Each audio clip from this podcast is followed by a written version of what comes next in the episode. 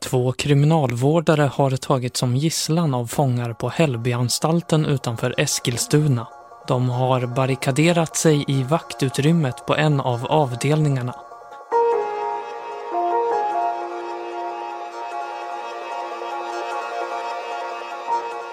De två kriminalvårdarna fick hemmagjorda vapen riktade mot sig och tvingades ner på golvet in i vaktrummet i fängelset. Gärningsmännen, två dömda mördare, barrikaderade sig med sin gisslan och framförde snart sitt krav. En helikopter och 200 000 euro. Fick de inte som de ville skulle de skära halsen av sina fångar. Vad var det som hände under de nio timmarna i vaktrummet? Hur upplevde gisslan situationen? Och vad fanns det för förklaring till hur det kunde hända? Det ska vi titta närmare på i det här avsnittet av Aftonbladet Krim. Jag heter Anders Johansson.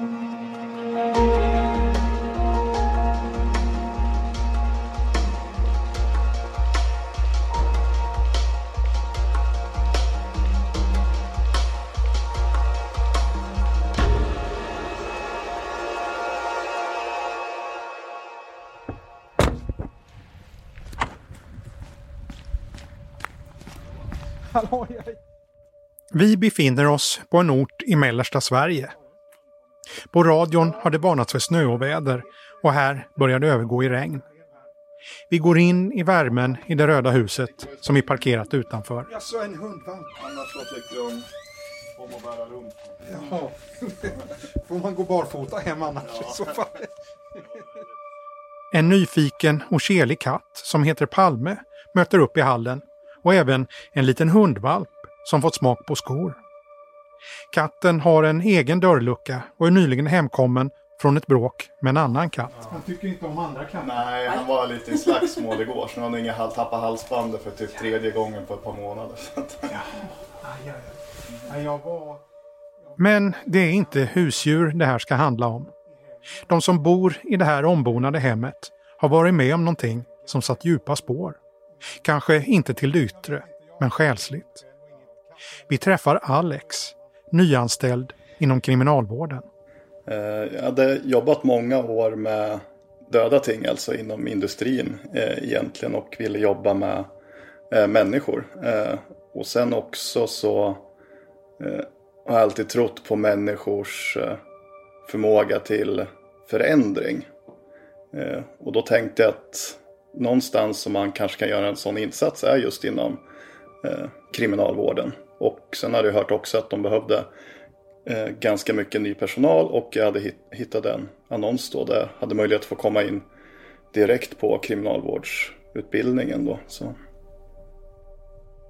Alex berättar att de fick lära sig allt möjligt. Från självskydd, laga befogenheter, till hur man ska agera i olika lägen. Och inte minst i en särskild situation. Och hur man eh, ska bete sig under ett eventuellt gisslan, en gisslansituation. Eh, och det som de lyfte mycket där, det var just det hur viktigt de här första 45 minuterna, timmen var. Eh, för det är då oftast det är mest stress hos de som begår de här illdåden. Och men försöka hålla sig så lugn som möjligt och att de ska få känna att de har kontrollen. Även om det ingick i utbildningen sades det någonting om hur riskerna kunde se ut för sånt här i, i verkligheten? Ja, väl ungefär samma sak som eh, fängelsechefen och säkerhetsdirektören sa direkt efter händelsen att sånt här händer ju. Näst, alltså aldrig. Det är så ovanligt. Det ska inte hända och det var väl så jag, den inställningen jag hade också. Det, det händer inte. Men det hände. Tyvärr. Alex hade precis lärt sig det teoretiska under 13 veckor och börjat på sin praktik på Hällbyanstalten, en av Sveriges sju klass 1-anstalter, alltså de fängelser som huserar våra mest riskfyllda kriminella. Den här dagen, som det här avsnittet ska handla om, var den 21 juli. Och det var Alex tredje dag på jobbet. Han skulle börja klockan sju och åkte hemifrån strax efter sex för att vara på plats i god tid. Han klev in genom muren, gick igenom säkerhetskontrollen. hängde på sig larm och en Rakel radioapparat. Han gick ner till avdelningen, pratade med kollegorna. Vid sju så låste vi upp båda sidorna, både A och B. De intagna gick ut och käkade frukost i vanlig ordning. Eh, sen var det alltså rutinarbete helt enkelt. Eh, och det, det var alltså en vanlig dag. Eh, ena sidan misstänkte vi att de hade tatueringsmaskin på. Så det blev senare en lite mindre insats där jag och en handfull kollegor som visiterade ut en tatueringsmaskin på den sidan. Eh, och det var väl precis när vi hade kommit, det var väl innan 12 någon gång, när vi kom in i vaktrummet. Det var väl ganska många eh, kollegor på plats. En efter en droppar kollegorna av tills det bara är Alex och Elin kvar. Efter ett tag kommer ett samtal på stentofonen. Ett slags intern komradio som varje intagen har på sin cell. Den som ringer heter Haned Abdullahi och han säger att han vill ha en 2 plus 1. Och det är ju på fängelsespråk två Alvedon och en Ipren. Sen gick det så fruktansvärt snabbt.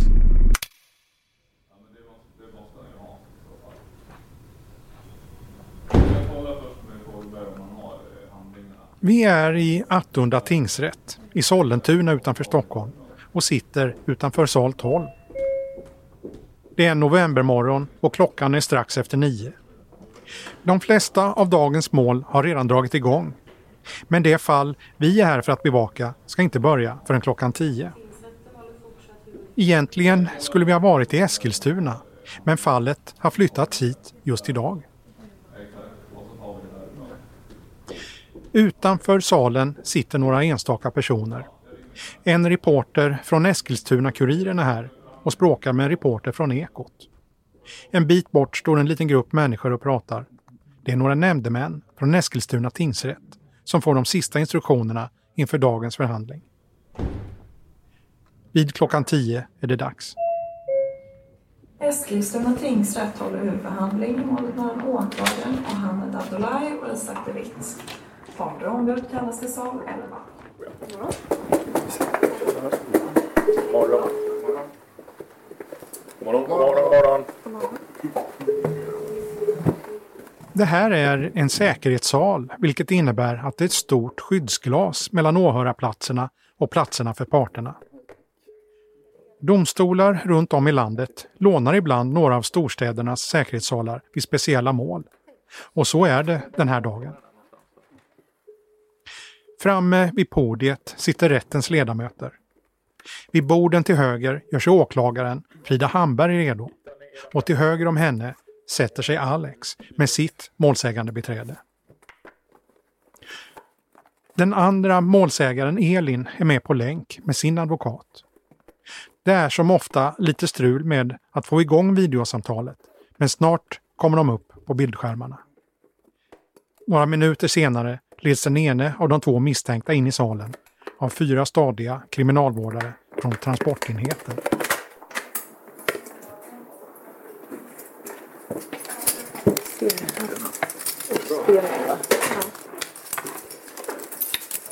När han satt sig kommer misstänkt nummer två in med ytterligare fyra kriminalvårdare.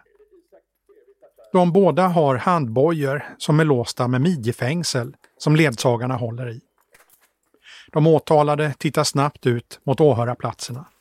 Och de ser, förutom oss, antagligen de tre uniformerade poliser som också tagit plats innanför dörren.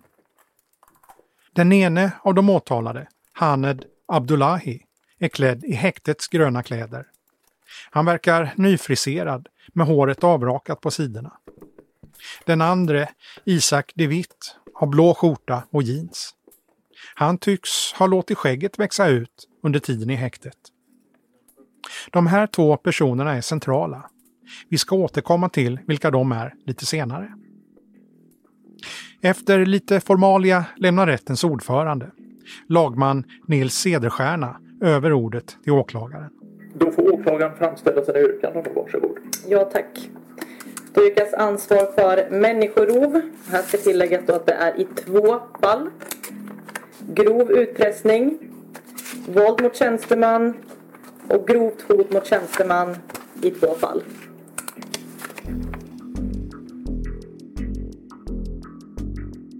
Händelsen som det här avsnittet kretsar kring utspelar sig mitt under en av sommarens varmaste dagar 2021. Scenen är ett några kvadratmeter stort rum inne på en av Sveriges mest välbevakade anstalter.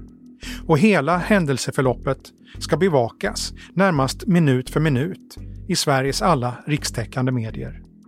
Allt börjar vid lunch. Klockan 12.18 21 juli 2021 så får eh, polisen ett larm om att två intagna på Hällbyanstalten har barrikaderat sig i ett vaktrum på anstalten och tagit då två ur personalen som gisslan. Under minuterna efter att larmet inkommit sker en rad saker. Flera patruller skickas till platsen och polisens regionala insatsstyrka kontaktas.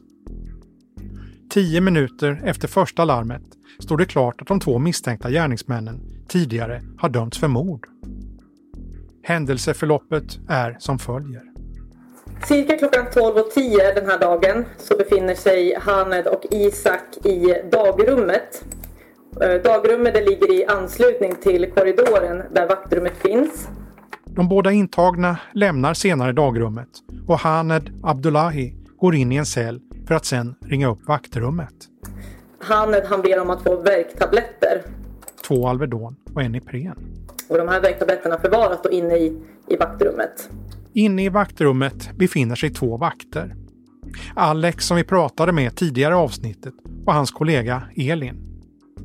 Hon är också ganska ny på anstalten. Hon har jobbat här i tre månader. De öppnar dörrarna för att släppa in Abdullahi som ska få sina värktabletter. Sedan går allt väldigt fort. De båda intagna tränger sig in genom dörren och gör en framryckning. Båda är försedda med egen tillgjorda stick och skärvapen. Både Alex och Elin tvingas därmed in i vaktrummet. Fångarna skriker åt de båda kriminalvårdarna att de ska lägga sig ner. Elin går in i ett sidorum, men De Witt följer efter och tvingar tillbaka henne och får ner henne på golvet. Under de följande minuterna är det tumultartat. Larmet aktiveras på anstalten. När larmet går så samlas kriminalvårdens egen insatsstyrka på sju personer. De mobiliserar för att gå in i vaktrummet för att hjälpa sina kollegor. Men när larmstyrkan kommer fram möts de av gisslantagarna som skriker att de kommer att skada gisslan om de inte backar. Larmstyrkan inser allvaret i situationen och retirerar samtidigt som Abdullahi och De Witt barrikaderar sig i rummet genom att blockera dörren med ett skrivbord. Han är då Isak förhindrar personalen från att ta sig ut respektive ta sig in i det här vaktrummet. Och de tar ganska snabbt kontrollen över den här situationen. Inne i rummet ligger både Elin och Alex på golvet. Gisslantagarna bestämmer sig för att bakbinda Alex händer med ett snöre som antagligen kommer från en tvättsäck. Efter ett tag så blir hans händer blåa och han får ont, vilket gör att hans fötter binds istället. Ungefär samtidigt aktiverar kriminalvården en av sina egna förhandlare eftersom både Abdullahi och De Witt börjat ställa krav inifrån vaktrummet. Under förhandlingarna så framkommer då att Hanek och Isak vill lämna anstalten med en helikopter eller bil.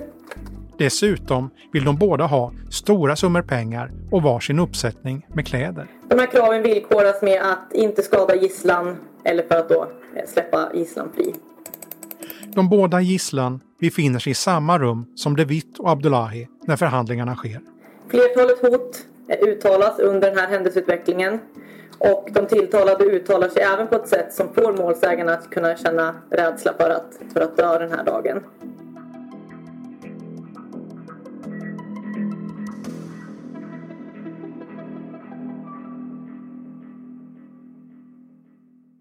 För Alex har arbetsdagen plötsligt förvandlats till en mardröm. Eh, när vaktstyrkan kom in eh, bakvägen där sen. Eh, som sen backade ut. Men då skreks det någonting att vi hade ju vapen mot oss liksom på något sätt. Jag såg inte exakt, liksom, jag låg med huvudet ner. Men det skreks ju antingen ska man skära halsen av eller skära. Eller döda eller krig. Alltså jag vet inte. Det, så, det var så mycket ord och det var en väldigt kaosartad situation. Alltså det var... ja, väldigt kaosartat. Och då tänkte du alltså att Ja, idag är, är det dagen eh, jag dör eller eh, dagen vi dör. Det var precis bara spelade, det var precis som att man låg där frihetsberövad och är det här slutet liksom?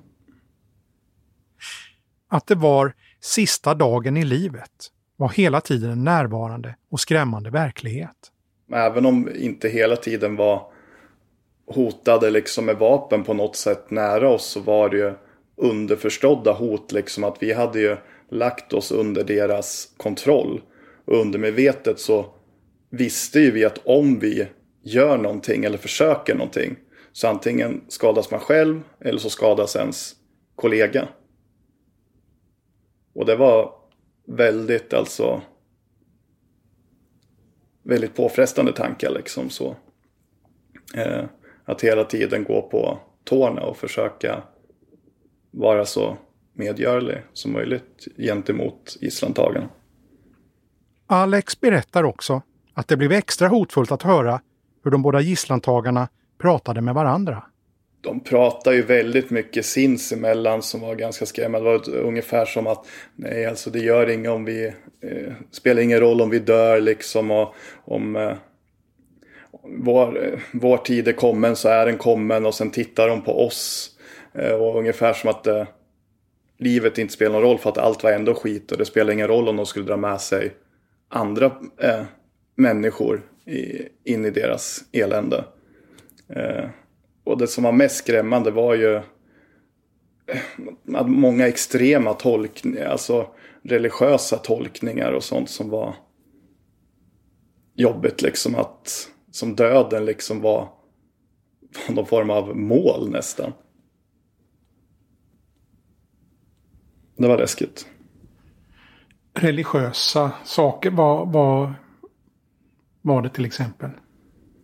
Ja, till exempel de pratar ju väldigt mycket liksom om om Gud vill att vi, våran tid är kommen eller att vi ska dö så är det liksom så är det, är det så liksom att man, de på något sätt underkastar sig Gud. Och på något sätt att de trodde att deras handlingar var på något sätt försvarliga. Och vad är det för religiös tolkning egentligen? Alltså religion enligt mig, alltså jag är inte religiös själv, men det borde väl handla om någon form av kärlek, inte hat, hot och våld liksom. Vad är det för religion? Det är inte religion enligt mig. Alex väljer hårt. Det märks att det är svårt att berätta. Det fanns flera tänkbara utgångar på situationen, men det var särskilt en som inte gick att komma ifrån. Att vi skulle dö. Eh, att de skulle sticka oss med stick, eh, de här eh, stickvapnen som de hade eh, tillverkat. Eller om någon av oss hade försökt att typ springa ut därifrån. Liksom att de skulle typ ha stuckit den andra personen. Eh, vi hade ju vi ansvarar ju inte bara för vårt egna liv inne i den där situationen. Vi ansvarar ju också för kollegans liv. Vad visste du då om de två gisslantagarna? Ganska lite. Det enda jag visste egentligen var att de var dömda för mord.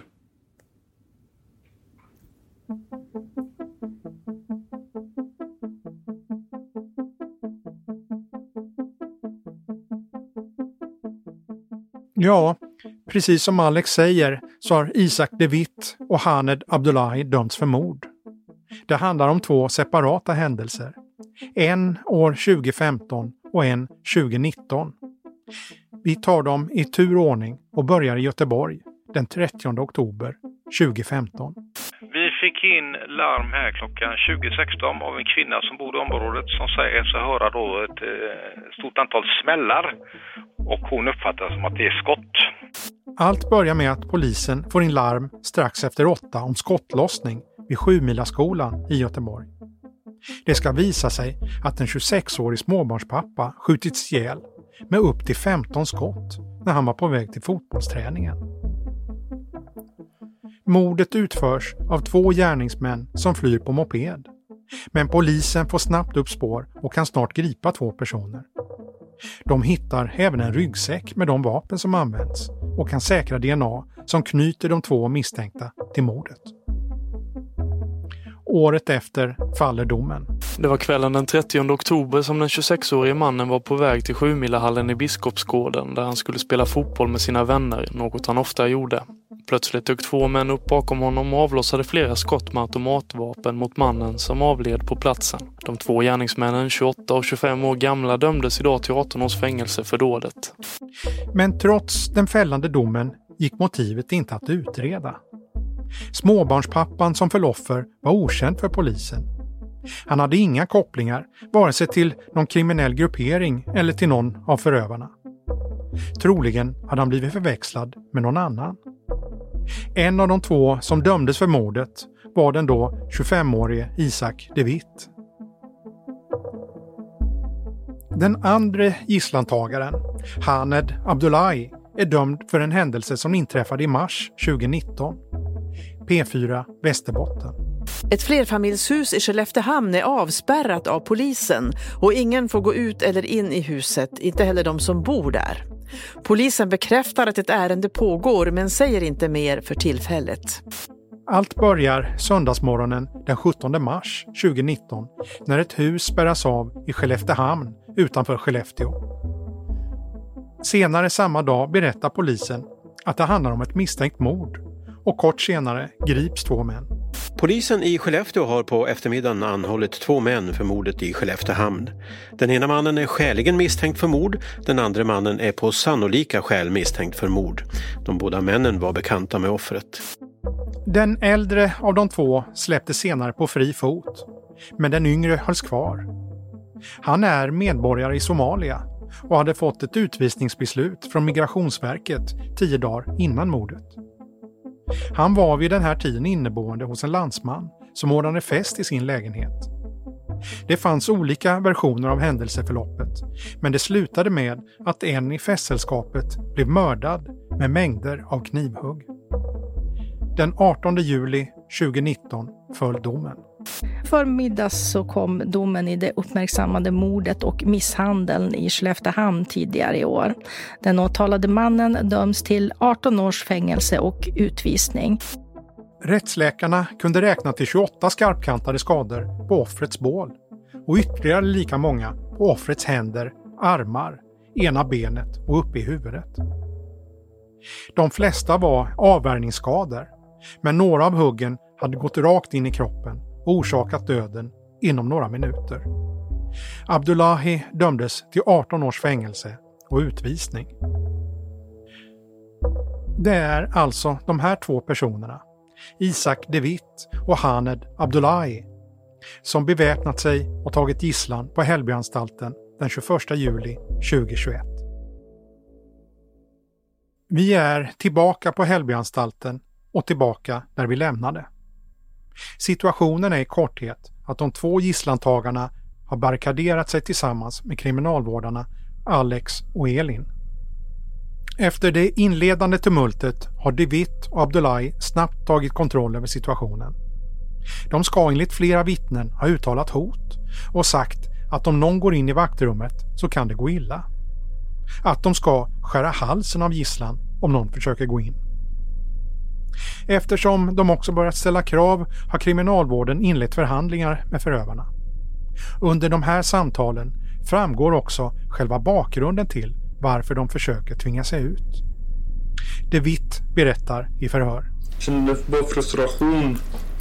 Alltså, man vaknar arg, man somnar arg hela tiden. Mm. Grunden ska alltså vara att de båda tycker att de behandlas dåligt på anstalten. Därför har de bestämt sig för att försöka fly. De Witt menar att planen kan sluta på två sätt. Antingen om jag lyckas rymma eller i värsta fall att jag får byta anstalt och aldrig kommer tillbaka till Hällby någonsin alltså. Mm. Som vi nämnde tidigare har de båda krävt helikopter, pengar och kläder för att släppa gisslan. Men det går trögt.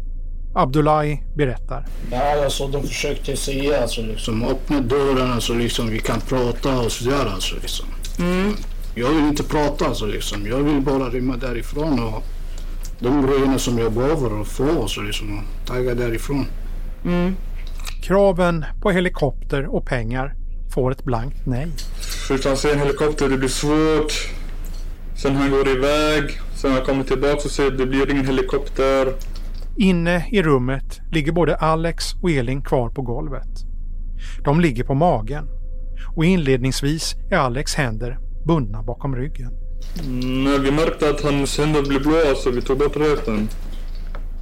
De binder istället hans fötter men lossar snöret lite senare. De båda gisslan får sedan sätta sig upp mot väggen. Förhandlingarna fortsätter men det tycks som att luften gått ur kidnapparna.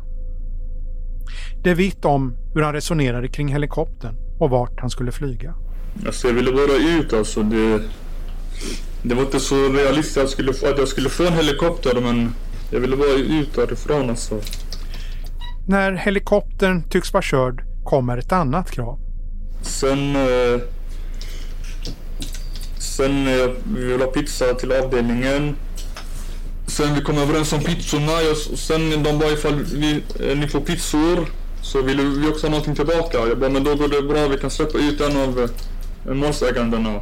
Kravet är att få 20 kebabpizzor som ska delas ut till de andra intagna på avdelningen. Abdullahi förklarar.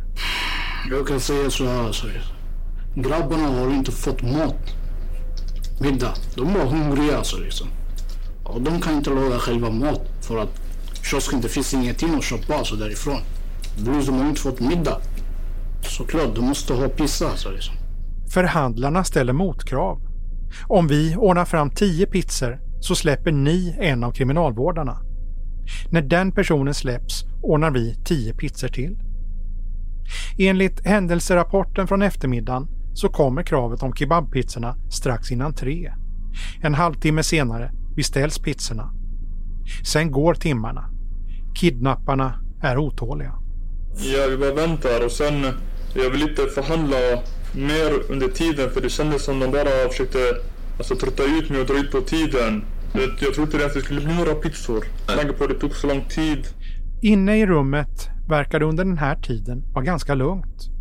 Alex frågar och får tillåtelse att brygga kaffe och använda toaletten.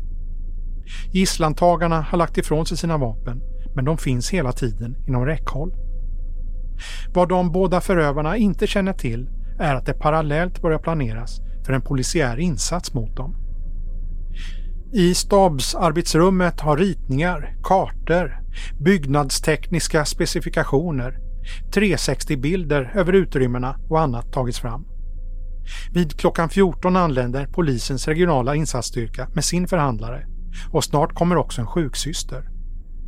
Men även nationella insatsstyrkan, NI, polisens specialister på gisslansituationer, är larmad och är på plats 16.30 och påbörjar rustning. Insatsgruppen från NI byter av de andra poliserna och körs ner i omgångar med en anstaltsbuss. Några i gruppen begär att få komma in i grannpaviljongen som ser exakt likadan ut. Detta för att kunna orientera sig vid en eventuell insats. Vid 27, alltså nästan sju timmar in i dramat, går förhandlarna in med pizzorna. De har sällskap av två civilklädda poliser från nationella insatsstyrkan som fått order att gripa kidnapparna om det uppstår ett uppenbart tillfälle. Men det sker inte. Pizzorna lämnas över och kort senare släpps Alex. Under de följande två timmarna är gisslantagarna kvar inne i vaktrummet tillsammans med Elin. 21 och 21 släpps även hon. Åtta minuter senare grips kidnapparna.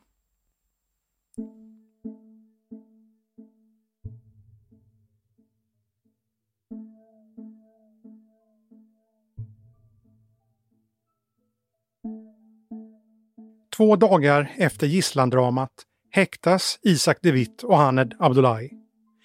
De Witt nekar till brott, Abdullahi erkänner olaga frihetsberövande, men vill inte kalla det människorov. När de båda åtalade sätter sig i rätten erkänner de i mångt och mycket omständigheterna kring vad som skett under gisslansituationen. Diskussionen under rättegången handlar därför inte främst om huruvida de är skyldiga till att ha tagit gisslan, utan snarare om hur allvarligt det ska bedömas. En fråga som åklagaren återkommer till gång på gång gäller hur hotfulla männen varit mot de två kriminalvårdarna. Enligt vakthavande befäl på anstalten, som ingick i insatsstyrkan, så hotade gisslantagarna att skära halsen av sina fångar. De hotade också, enligt honom, att skicka ut öron och fingrar om personalen inte ville inse allvaret i situationen. Men det hotet vill inte Abdullahi kännas vid. Jag vet inte exakt, men alltså inte kroppdelar alltså liksom och skära öron och sådär alltså liksom. Nej. Även De Witt menar flera gånger under rättegången att han inte hotar kriminalvårdarna direkt. Alltså till de två, nej, men jag har sagt kanske till förhandlarna att eh, så, länge inte, jag har sagt, så länge inte polisen försöker bryta sig in här så kommer inte det hända någonting. Men till de två, jag har inte sagt någonting alltså, jag ska skada dem eller så. En annan punkt som åklagaren lägger en del vikt vid gäller ett brev som hittats i Isak de Witts cell efter gisslansituationen. I brevet skriver han om sitt missnöje med anstalten och att han därför bestämt sig för att ta gisslan. Han skriver också att det här är jihad. Att bara Allah vet hur detta kommer att sluta. Att de inte kommer att prata mer utan låta svärdet föra talan. Och att det här bara kan leda till två goda ting. Martyrskap eller frihet. När De Witt tillfrågas om brevet i rätten erkänner han att han skrivit det, men försöker framhålla att det inte var seriöst menat. Det är jag som har skrivit det, men syftet med det, det var för eh, jag tänkte först att eh, om jag får dem att tro att det skulle vara typ alltså religiösa motiv eller något sånt och jag typ är villig att gå in i döden och så här så kommer de ta det mer seriöst. Men samtidigt så vill jag inte heller eh, alltså, göra det till någonting som det inte var. Förstår du? Så därför struntar jag i brevet och jag lämnar kvar det i cellen. Alltså. Han tillfrågas också om att han ska ha uttalat dödshot under förhandlingen och att han ska ha sagt att han varje dag vaknar och vill döda någon på anstalten.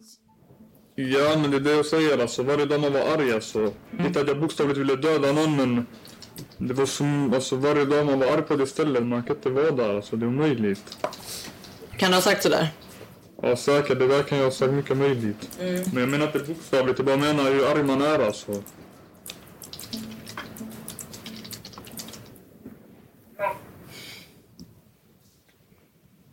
Jag har inga fler frågor. Tackar så mycket.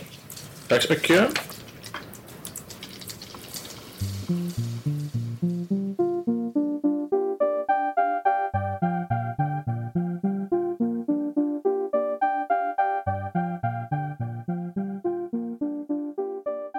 Gisslandramat blev en stort uppslagen nyhet.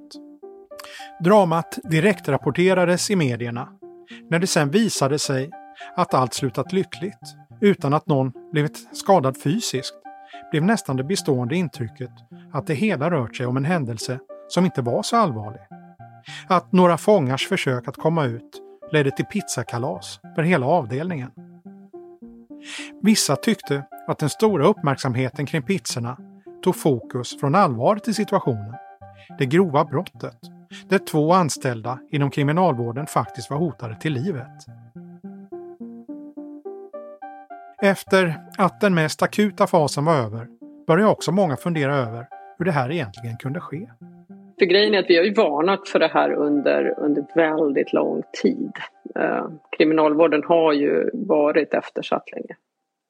Det här är Gabriella Lavecchia, ordförande för fackförbundet Seko, som företräder 110 000 medlemmar i nio olika branscher och bland annat anställda inom kriminalvården. Hon följde rapporteringen om Hällbyanstalten på distans och framhåller att många gått och väntat på en sån här typ av incident.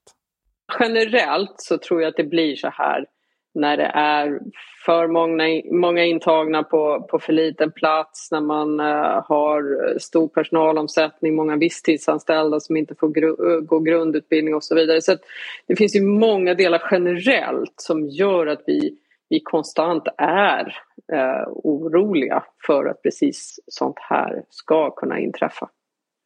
Redan 2018 slog Seko larm om platsbrist och överbeläggning. Detta som ett resultat av att tre anstalter och ett häkte stängts 2013. Då fanns det för många platser. Men sedan dess, och främst de senaste åren, har antalet utdömda fängelsestraff ökat dramatiskt. 2017 utdömdes sammanlagt 97 700 månaders fängelse enligt statistik från Brottsförebyggande rådet. År 2019 hade siffran ökat med 30 procent till 127 000 månader. Och förra året, 2020, fortsatte ökningen med ytterligare 9 procent. Gabriella Lavecchia menar att det här bidrar till att det helt enkelt saknas massor av platser på Sveriges fängelser. Situationen är allvarlig och, och ska man titta på liksom fakta och statistik och så, här, så det saknas ungefär tusen platser. Det gör ju att det blir svårare och svårare att flytta om och, och separera intagna och det, det här är ett jätteviktigt verktyg för att förhindra hot och våld mellan intagna men också mot personalen. Uh, och, det, för att vara tydlig kan ju handla till exempel om att medlemmar från samma gäng eh, placeras på samma avdelning eller att, att medlemmar från konkurrerande gäng placeras på samma avdelning. Eh, så, så det finns ju en stor problematik i det här att, att det finns en överbeläggning. Men sen har vi också en situation att kanske 30-40 procent av de anställda idag är visstidsanställda och därför inte ens har fått en, en grundutbildning. Så det finns ju en stor eh, liksom, utbildningsskuld eh, inom kriminalvården när det gäller just häkten och anstalter och så. Och, och delvis beroende på pandemin naturligtvis. Eh, så det finns ju, alltså det är ett, eh, en allvarlig situation, verkligen. Eh, och vi är ju naturligtvis glada att det ändå gick så pass bra den här gången. Det var ju verkligen inte skrivet eh, i stjärnorna att det var så det skulle sluta. Enligt henne är lösningen till viss del enkel. Det behövs fler fängelseplatser och därmed behöver man bygga fler fängelser och även bygga ut de som redan finns. Dessutom behövs högre lön och bättre villkor för de som ska jobba i kriminalvården för att kunna behålla den personal som är rutinerad. Hon menar också att situationen delvis skapats för att det har blivit en obalans i rättskedjan. När polis och andra delar av rättsväsendet byggts ut har kriminalvården och anstalterna glömts bort. Hon tror delvis att politikerna blivit tagna på sängen av situationen. Men menar samtidigt att de från fackligt håll varnat för det här under lång tid. Vi har, vi har flaggat eh, länge för den problematik som har funnits och, och, det blir ju inte bättre med åren eh, om jag säger så. Så att eh, jag, jag, jag, hoppas verkligen att det går att vända det här eh, på alla de delar eh, som vi efterfrågar. Jag hoppas verkligen, verkligen att det går att göra. Vad är risken annars om inget, ingen förbättring görs nu? Nej, det är ju framförallt än mer hot och våld vi är oroliga för. Som sagt var, det som hände i Hällby, det är bara att konstatera att det gick ändå, ändå vill jag säga, relativt bra. Eh, så det kunde ju ha slutat oerhört mycket värre och det var lite som jag kanske började med, man har alltid den här oerhörda rädslan när någonting händer på en anstalt eller eh, på ett häkte så, så finns alltid, alltid den där rädslan om att någonting kan gå så oerhört fel. Så oerhört fel. Eh, på ett helt annat sätt än vad det kanske gör i, i många andra yrken. Men, eh, men som sagt, det det är ju människor med stort våldskapital som finns eh, och som våra medlemmar arbetar med. Eh, och det, det är klart att vi har det i, i ryggmärgen hela tiden. Vi har det med oss jämt. Det här kan hända igen med andra ord? Ja, det, det, det vill jag nog eh, säga att jag är rädd för att det kommer att göra. På något sätt. Det är jag rädd för.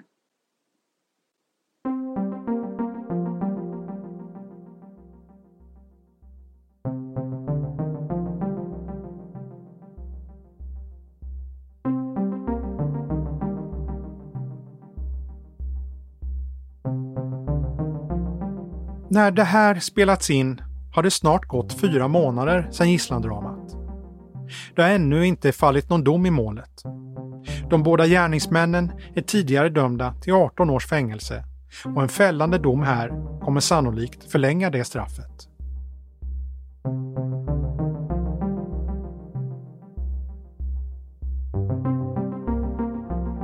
Elin har börjat jobba igen. Alex är fortfarande sjukskriven. Han går hos en psykolog för att bearbeta det som har hänt. En sak som han funderat mycket på är hur deras eget agerande påverkade situationen. Och på pizzornas betydelse när gisslan fått nej till helikopter och hundratusentals euro. Han tänker att det lika gärna hade kunnat slutat helt annorlunda. På något sätt så kommer de fram till efter ännu mer förhandlande att ja men ni kan få en gisslan om alla våra, som de kallar det, alla grabbar får varsin kebabpizza. Eh, och under tiden där så är det ju väldigt mycket, fortfarande väldigt mycket underliggande hot där. De tror inte de ska få de här pizzorna. Och, eh, är det jobbigt.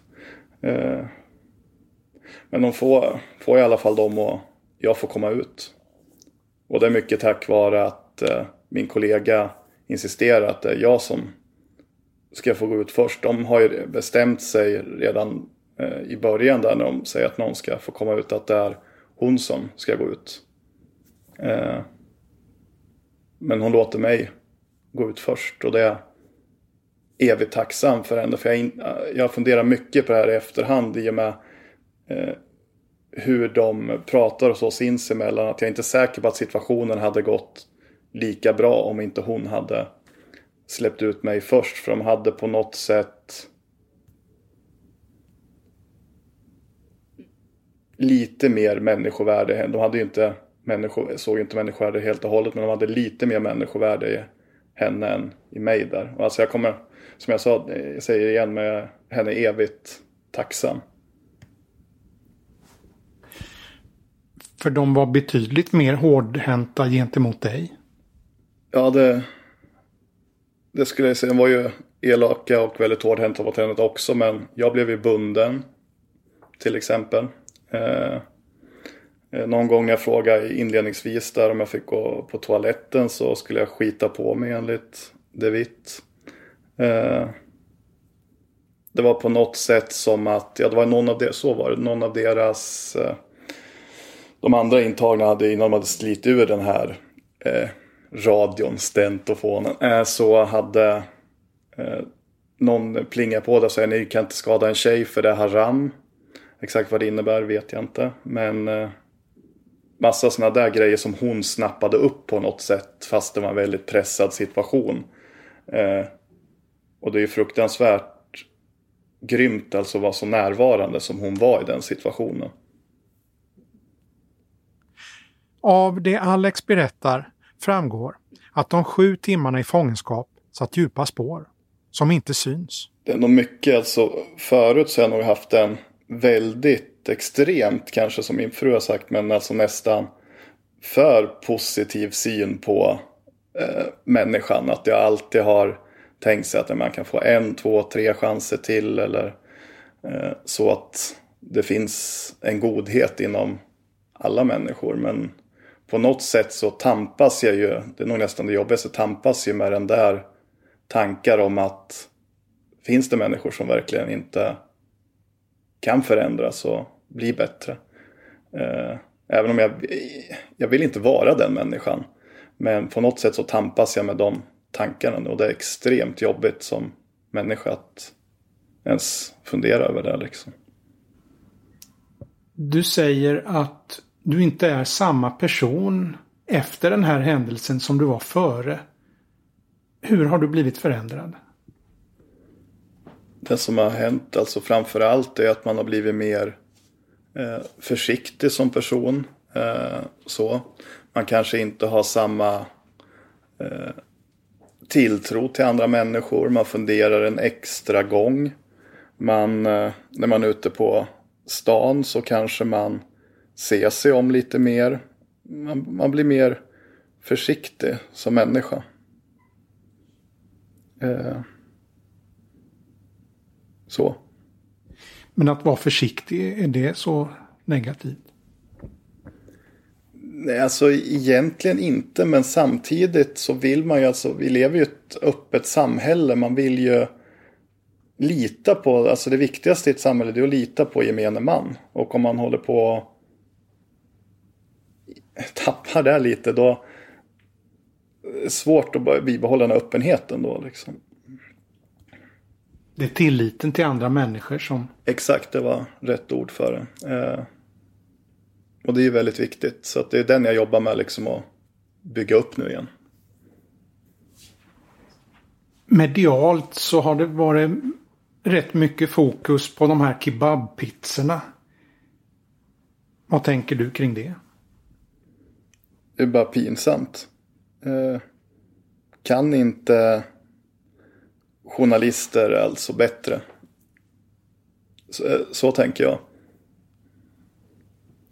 Alex berättar att han försökte återgå till jobbet på fängelset en tid efter händelsen. Men det fungerade inte. Inledningsvis alltså så stängde man ju av allting och ville bara göra sitt jobb och visa sig stark och trygg och känna att ja, men jag tar mig igenom det här. Men sen också att alla de här grejerna fanns ju fortfarande där jag skulle stå helt plötsligt och lämna ut rakhyvlar, engångsrakhyvlar till intagna. Det var liksom, hade inte liksom blivit någon förändring då på arbetsplatsen. Det kändes inte bra. Vid något tillfälle kom jag, skulle jag lämna ut en spegel som de skulle låna som dessutom var trasig. Och sen skulle jag lämna ut, alltså det kändes, det kändes fel. Och jag kämpade emot det där ett par dagar men det blev jobbigt. Och sen också när det kom upp folk snabbt bakom en och så. Man blev, var liksom mer försiktig. Eh, man blev liksom på något sätt överdrivet vaksam istället. Och det är det jag tampas med idag. Att försöka att inte vara det. För att trots allt så är det ju extremt ovanligt att just något sånt här händer.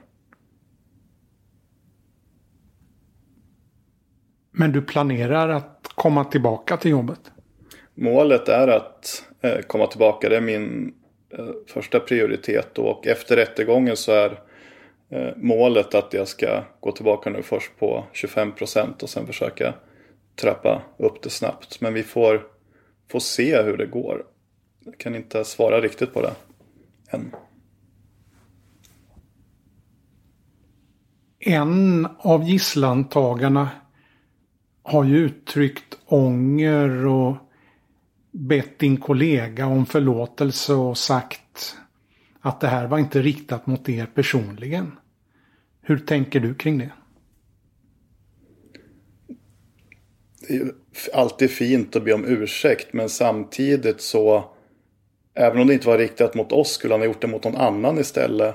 Och det är minst lika eh, Alltså det är lika hemskt det så att jag förstår inte riktigt. Det säger ju ingenting och det är fortfarande någonting allvarligt som man begår så att om det är riktat mot oss eller mot någon annan det är ju lika hemskt. Så att det här med förlåtelse, hur tänker du kring det? Är nog lite för Det är nog lite för nära än för att eh, fundera på det. Men man vet aldrig vad framtiden säger. Men han måste ju på något sätt visa någonting mer än att säga orden. Alltså ord är ju bara ord.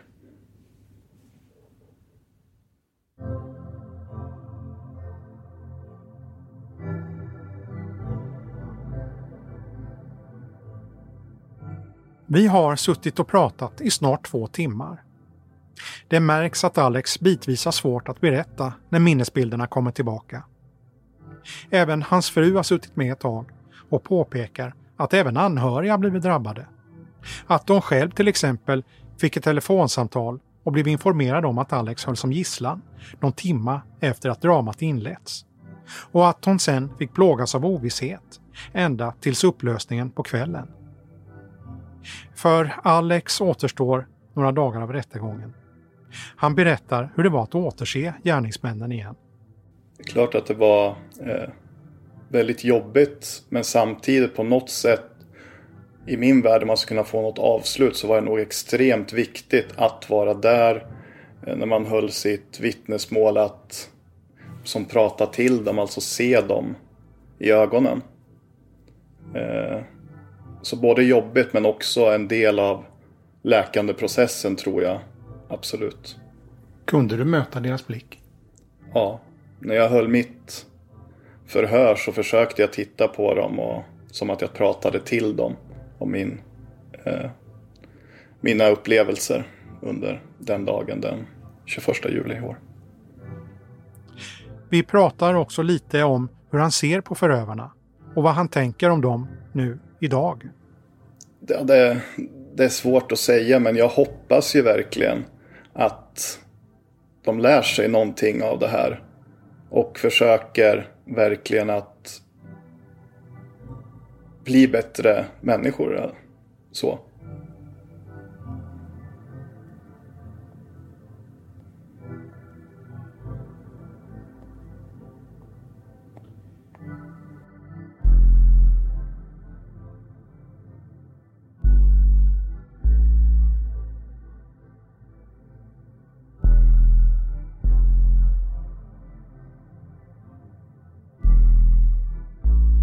Du har lyssnat på en podd från Aftonbladet Krim. Klippen kommer från Sveriges Radio. Jag heter Anders Johansson. Producent var Marcus Ulfsand.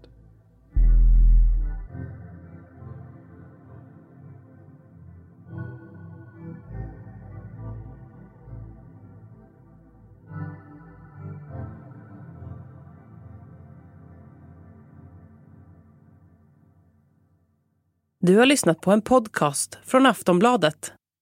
Ansvarig utgivare är Lena K Samuelsson.